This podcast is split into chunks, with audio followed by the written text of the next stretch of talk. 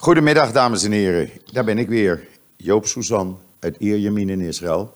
Met mijn dag, uh, tweedagelijkse podcast. Want u weet inmiddels, uh, drie keer in de week, zondag, dinsdag en donderdag, maak ik deze podcast. Um, dit is een hele bijzondere podcast. Want ik heb gisteravond het genoegen gehad een interview, live interview te kunnen maken met minister Sigrid Kaag, de minister van Buitenlandse Handel en Ontwikkelingssamenwerking, die met een grote delegatie Nederlandse zakenlieden in Israël is.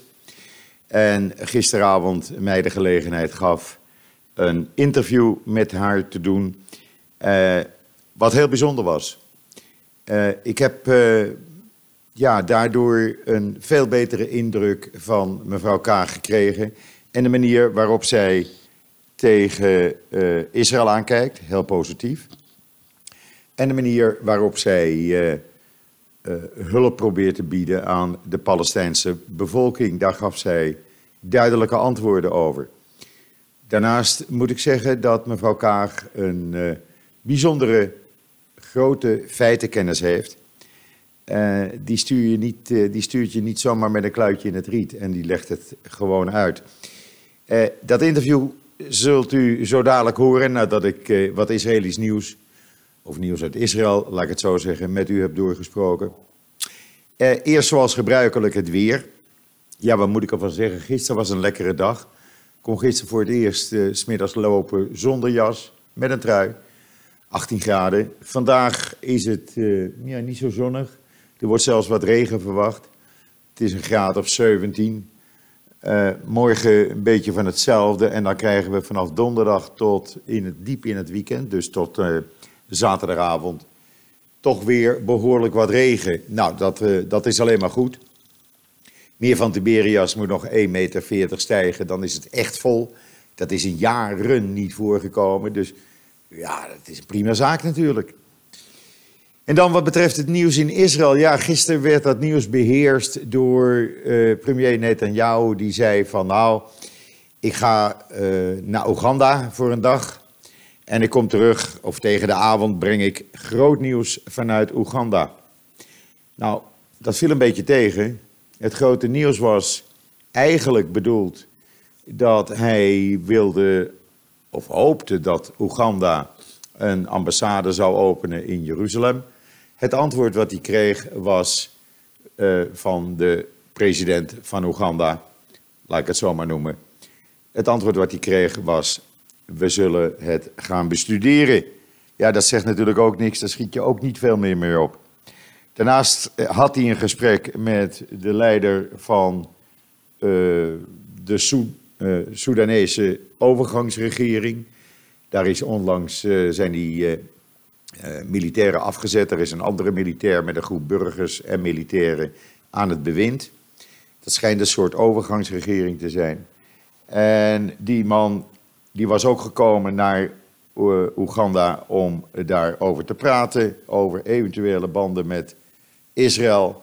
Nou, ook dat is nu nog niet helemaal duidelijk. Wat wel duidelijk is, is dat uh, Sudan dat wil doen, maar dan zou Amerika Sudan het land van de terreurlijst moeten halen. En of Amerika dat doet, dat is ook nog maar de vraag. Daarnaast werd het nieuws gisteren in Israël uh, beheerst door het feit dat er ja, in de kolonistenleiding uh, uh, ruzie is. Er is ruzie over uh, het niet annexeren, wat Netanyahu beloofd had, van settlements en de uh, Jordan Valley. Een uh, van die leiders is inmiddels uit die groep gestapt. En er is behoorlijk wat oneenigheid en men is het ook niet eens met de manier waarop Netanyahu eerst aankondigde, verleden week dinsdag, van we gaan gauw annexeren en toen teruggeroepen werd door de Amerikaanse regering van meneer Trump. Dus ja, dat zit hem allemaal niet mee op dit moment. Uh, ondertussen heeft uh, Fatah, de partij zeg maar waar Abbas, de leider, de voorzitter van is, heeft uh, via publicaties, je kunt dat lezen op joods.nl, duidelijk laten weten dat heel Palestina uh, hun toebehoort. En heel Palestina, dat betekent dus het gebied tussen de rivier de Jordaan en de Middellandse Zee. Ze hebben daar allerlei cartoons voor in de partijkrant laten plaatsen. Uh, allerlei teksten eronder. Nou, u kunt het zien. Uh, Palestinian Media Watch kwam daarachter. Wij hebben het ook weer mede gepubliceerd. Ja, en dan blijkt maar dat dat nog lang geen gedane zaak is. Ik zelf denk dat het vredesplan van meneer Trump best goede punten omvat. Maar dan moeten er wel twee partijen zijn die aan tafel moeten gaan zitten. En als een van die partijen weigert, ja, dan, dan komt er gewoon niks. Uh, hangt nu af van Arabische landen. Moeten kijken of die toch uh, wat druk op Abbas en consorten gaan uitoefenen. We zullen het zien de komende tijd. Het wachten is natuurlijk ook na de verkiezingen hier in Israël op 2 maart. Hangt er ook vanaf, komt er nou een andere regering of wordt het weer een regering onder leiding van Netanyahu? Dus ja, ik denk pas na 2 maart dat er wat beweging in dat hele proces zal komen. En dat zal dan niet meteen 3 maart zijn, maar er zal nog een uh, maand of wat overheen gaan voordat de nieuwe regering daadwerkelijk aan het werk is.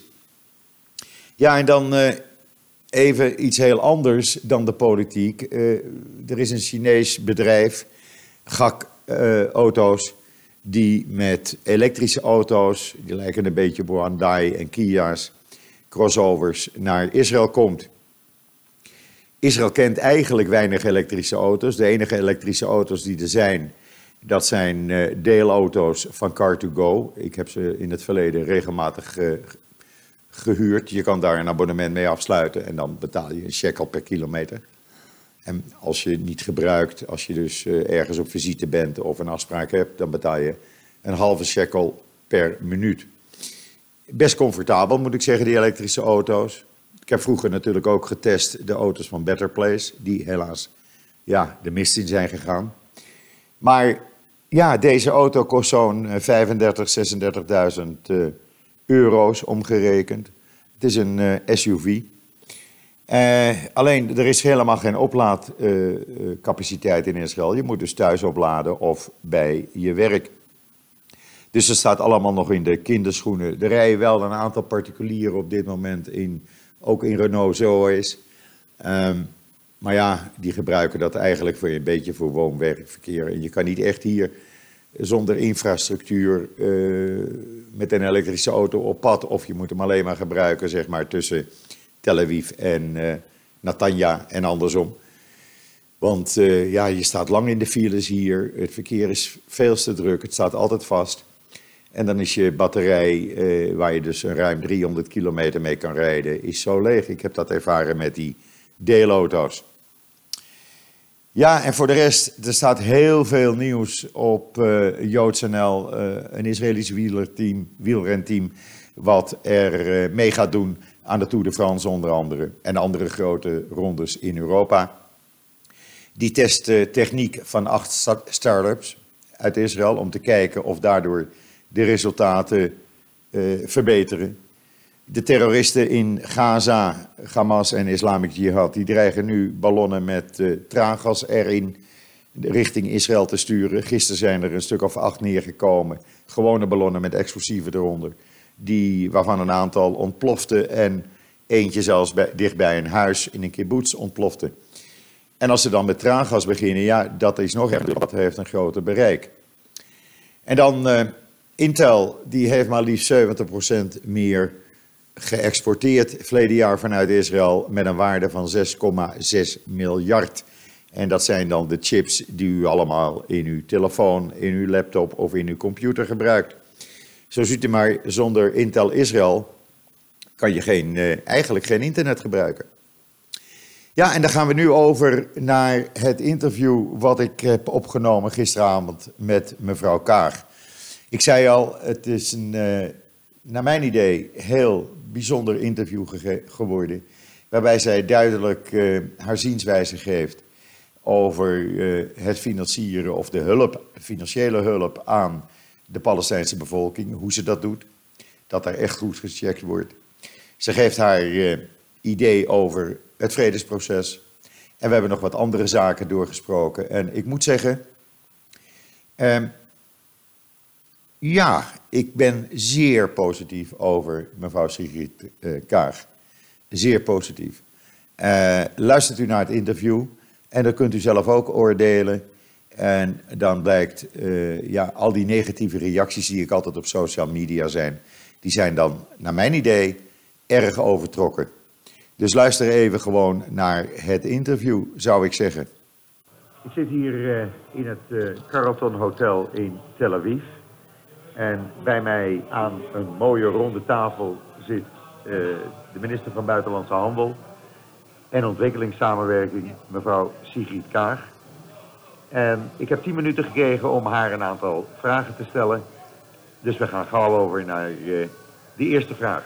Mevrouw Kaag, onlangs heeft in uh, de Israëlische pers een uitvoerig artikel gestaan over hoe hulpgelden niet altijd bij de Palestijnse bevolking terechtkomen. Uh, hoe bewaakt u dat het geld wel degelijk bij de mensen komen die het ook nodig hebben? Ja. Ik ken het artikel niet, maar de problematiek die, neem ik aan, beschreven wordt, is natuurlijk zeer zorgwekkend. Ja.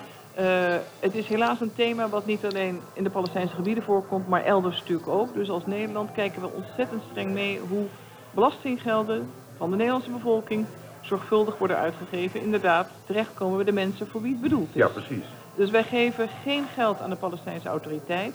Wij, wij geven gelden aan VN-organisaties op ontwikkelingssamenwerking of watermanagement of uh, bescherming van de rechten van vrouwen uh, of onderwijs voor Ja. kinderen zoals UNICEF.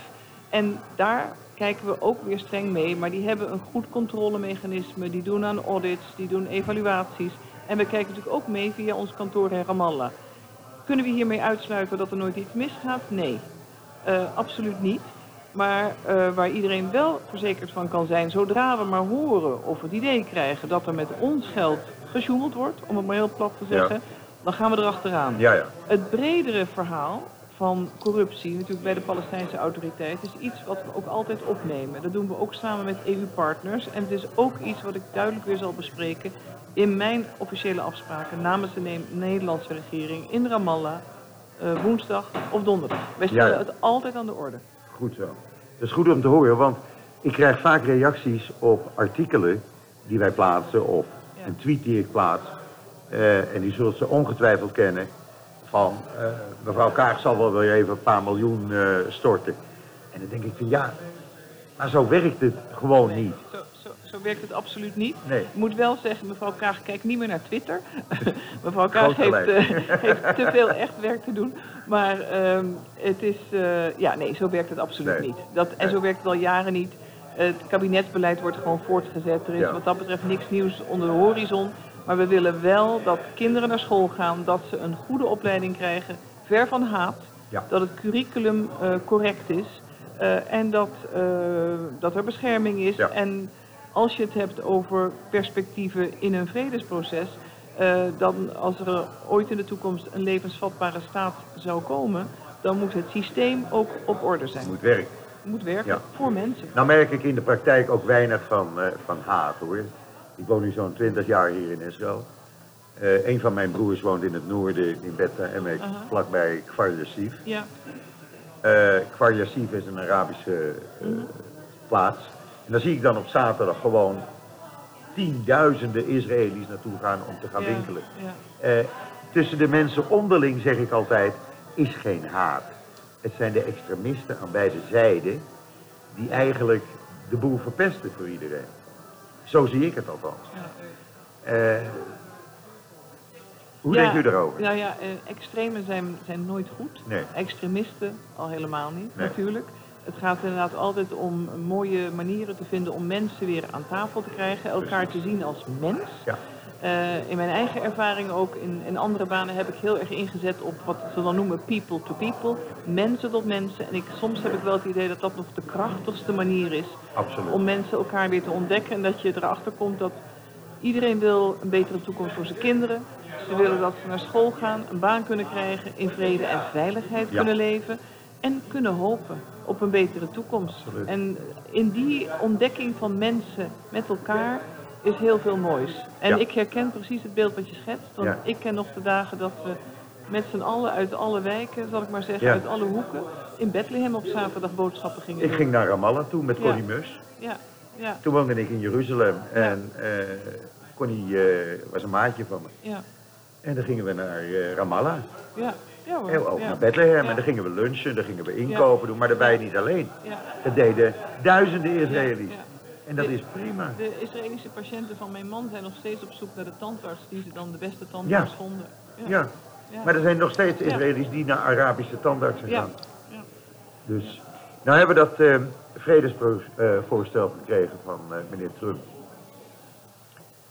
Heeft u het gelezen? Heeft u daarnaar gekeken? Wat is uw mening daarover? Ehm, Want nou, hier in Israël, gevarieerd geloof ik. het hè, varieert behoorlijk, ja, ja. Men is niet over het algemeen Ja. positief. Nou, er werd natuurlijk heel lang over gesproken. Ja. Dus ik denk dat iedereen er toch ook wel op zat te wachten. Ja, Eh, het was natuurlijk wel een verrassing dat het net uitkwam voor deze reis. Maar het heeft, het heeft er geen directe relatie mee. Nee. Dus wij zijn gewoon doorgegaan natuurlijk met ons programma. Ehm, ik heb er kennis van genomen. Het, is wel, het ligt eh, wel op het bordje van eh, mijn collega's, het Ja. blok. Ehm, ik denk vanuit het kabinet is het in ieder geval zo dat, eh, dat eh, een impuls eh, die gegeven wordt aan de beide partijen om toch weer te proberen aan de onderhandelingstafel te komen ontzettend belangrijk is. dat is belangrijk. Vanuit de Europese Unie, Nederland natuurlijk ook, waarderen we al helemaal de transatlantische relaties die wij ook hebben met de Amerikanen. Ehm, het is ook zo dat eh, het kabinet eh, nog steeds hecht aan dezelfde parameters, zoals dat heet. Een twee-staten-oplossing, een, een internationaal, een erkend en veilig Israël, ehm, een, een levensvatbare democratische Palestijnse staat. Eh, de grenzen van 67 zijn daar uitgangspunt in en geen unilaterale besluiten. Eh, en natuurlijk het belang van handhaving van internationaal recht. Ja. En dat is ook de positie eigenlijk van eh, alle EU-lidstaten. Ja, ja. Daarin is niets veranderd. Mocht dit een moment zijn dat de partijen toch weer tot, tot elkaar kunnen komen en zeggen we gaan praten, ehm, dan zou natuurlijk dat heel mooi zijn. Maar het is aan de beide partijen natuurlijk. Ja, moeten ze samen doen. Ja. Als ze twee bonje hebben, dan moet je ze bij elkaar zetten. Zeiden wij vroeger in Amsterdam altijd. Ja, volgens mij is dat een mooie Nederlandse uitdrukking Ja, inderdaad. hè? ja, ja. Eh, nou bent u hier met een eh, handelsdelegatie. Eh, is, er, eh, is Israël belangrijk voor de handel in Nederland? Of is Nederland belangrijk voor de handel met Israël? Nou, wij zijn een, een, een belangrijke handelspartner voor Israël. En, en natuurlijk Israël is om allerlei redenen ook een, een geliefde handelspartner, een bevriende handelspartner zou ik zeggen, voor, Ja. voor Nederland. Het is natuurlijk geen grote markt. Maar Israël heeft altijd laten zien dat het zijn eigen geografische beperking kan ontstijgen. Ja. En ik denk dat hier ook weer enorm mooie kansen liggen in de samenwerking, in het samen denken, vooral op het gebied van onderzoek en inzet van technologie voor de mondiale uitdagingen. Als je nou kijkt naar waterschaarste of eh, landbouw. De toekomst van landbouw als je bijna een bevolking van 10 biljoen moet voeden. Waar komt het vandaan? Hoe ga je het doen? Wat zijn de middelen? Ja. Hoe kun je in andere landen samen optrekken? Maar ook op het gebied van eh, kunstmatige intelligentie, eh, fotonica en, en, en. De- deze terreinen gaan natuurlijk helemaal mijn eigen begripsmogen voorbij, moet ik zeggen. Ja. Maar ik begrijp dat Ja. het allemaal super spannend is, belangrijk en de toekomst. Ja. En hier zijn natuurlijk ook veel bedrijven mee ingekomen om met elkaar in gesprek te gaan. En dat is ook het doel van zo'n handelsmissie. En zo ontdekken ze elkaar. Vaak besluiten ze samen verder te gaan. Of een Israëlisch bedrijf vindt een Nederlandse partner en bestrijkt vanuit Nederland de Europese markt. Ja, ja. Wij kijken hier samen misschien ehm, naar andere landen, dat je samen optrekt. Dus er zijn heel veel Er mogelijkheden. komen natuurlijk ook nieuwe mogelijkheden langzamerhand aan door het op een kier zetten nu van de deuren van Arabische landen, Saudi-Arabië, Golfstaten, Ja. waardoor samenwerking met een Israëlisch bedrijf ook voor een Nederlands bedrijf natuurlijk makkelijker maakt om eventueel in de Golfstaten of Saudi-Arabië weer samen iets te gaan doen. Ja, ik geloof daar, Nederland heeft natuurlijk al een enorme presentie in die landen. Maar je kunt altijd kijken naar wat werkt. Ja. En weet je, uiteindelijk de zakenlieden, wat mij betreft, moeten het samen uitzoeken. Ja. Wij kunnen faciliteren, Ja. een beetje steunen, een kader creëren waar dat mogelijk is. Maar gelukkig, eh, de meeste mensen die op deze missie zijn, die weten heel goed wat ze willen, wat ze aan elkaar hebben. Maar het is altijd goed om de nieuwe thema's te ontdekken. Ja. De provincie Noord-Brabant bijvoorbeeld is hier natuurlijk met een seminar eh, over mobiliteit. Nou, dan heb je het over eh, eh, natuurlijk eh, automatisch rijden. Nee, niet automatisch rijden, hoe heet het ook alweer? De- ja, Artificial intelligence. nou, even, even de term verkregen. Self-driving. Self-driving, De- de ja precies. Tesla's, zeg De, maar. tes- de Ja. Tesla's en, Ja. en, en de nieuwe generatie. De bussen, maar ook andere manieren van transport. Hoe, je, hoe investeer je erin, Ja. hoe, hoe doe je de design. En dus dat is weer een hele andere tak van Ja. sport. En Nederland is daar echt koploper in. Dus wij bre- brengen ook veel kennis naar Israël. Terwijl ze hier hier. bezig zijn Ja. met hun mobiliteitsplan. Ja, Eh, hier lopen we gewoon 20 jaar achter. Ja, er zijn terreinen waar gewoon Israël niet koploper is. Absoluut. En wij zijn er ook maar le- lerend aan, de- doende lerend. Ja. Dus ze kunnen ook leren van onze fouten. Ja. eh, in het proces en in eh, de, de aansluiting die je nodig hebt met de zogenaamde stakeholders. Dus er zitten heel veel krachtige momenten in het programma. Eh, daar zijn wij natuurlijk ontzettend trots op. En we hopen ook dat het wat oplevert. Ja, maar dat is alleen maar goed, Ja. want ik denk dat je door handel ook een beter begrip krijgt. Absoluut, absoluut. Altijd. Mensen ja. leren elkaar beter kennen. En Ja. En in vertrouwen Ja. ontdekken ze andere kansen. Ja. En een deel van de zakenmissie gaat ook door naar de Palestijnse gebieden. Want daar is de vraag ook weer op ICT om jonge mensen aan de slag te kunnen krijgen. ja, Ehm, dat doen Israëlische bedrijven trouwens ook al. hè? Ja, ja, weet ik. Die hebben Maar- vestigingen in de Palestijnse Nee, gebieden. precies. Ja. Maar ik ben natuurlijk minister voor eh, Buitenlandse. Handel van Nederland. Dus u moet Nederland, eh, u moet Nederland een beetje voor pushen. Ja, ja. Maar Nou ja, ik kan allebei Ja. pushen natuurlijk. Ja, Ja. precies. Ik heb ook zo'n speltje, Israëlische en Nederlandse Ja, vlag, heb ik een keer gehad. Ik, wij, wij proberen altijd kansen voor iedereen te creëren. Maar dit is natuurlijk een Nederlandse handelsmissie. Ja, maar we zoeken alle contacten. En we hopen dan ook inderdaad dat mensen zeggen, een, een Nederlandse ondernemer die dan eh, in Ramallah misschien andere Ja. contacten maakt. Dat die zegt van, hé, hey, maar ik heb eergisteren nog in Tel Aviv een ander gesprek Ja. gehad. Zullen we eens met z'n drieën om tafel, om Ja, tafel precies, gaan dat zitten? kan Dus gebeuren. als mensen een beetje Zou alleen maar mooi zijn. Er zit alleen maar een hele nieuwe Ja. wending aan zo'n verhaal. Bent u ook nog naar de Arawa geweest of niet? Eh, nee, nee, die ken ik wel van, eh, van mijn eigen toerisme. Ja, ja. Nee, precies. Ja. Nee, want dat je gaat over agricultuur. Ja, ja, en, en nee. Maar dat is natuurlijk de bakermat, hè? Precies, het is een thema op deze reis. Maar ehm, eh, we konden niet alles doen in de beperkte tijd. Ik moet Nee. vrijdagochtend land ik weer. Ik neem de El Al-vlucht van, nou, vijf uur 's ochtends. We landen om acht Tien voor uur. vier gaat die Tien voor vier, ja, ik weet het maar. Ik heb hem pas genomen. Precies, en dan land ik en dan ga ik door naar de ministerraad. Ja, ja. Dus kan niet alles. U bent om acht uur op Schiphol. Ja, dat was weet ik ik, ook. precies. Ja. Dat, eh, als God het wil, hè. Ja. Ja, eh, oké. Eh, ja, er wordt al druk gewezen. Ja, ik zeg het gewoon. Ik moet- ik moet, U zit in tijd, u zit in ja. tijdgebrek. Nee, ik vond het al heel erg fijn dat u eventjes die, het is het 12,5 minuut voor, voor Ja. ons vrij had. Ik zal het morgen online zetten. Leuk? Ga de reacties ke- afwachten. Ik ben benieuwd. Ja. Bedankt. ja.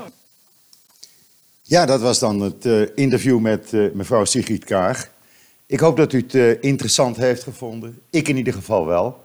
Eh, wat mij betreft, eh, donderdag ben ik eh, weer met een nieuwe podcast terug. Eh, ik wens iedereen nog een hele fijne voortzetting van deze dinsdag, de 4e februari. En wat mij betreft dus, tot ziens, tot donderdag.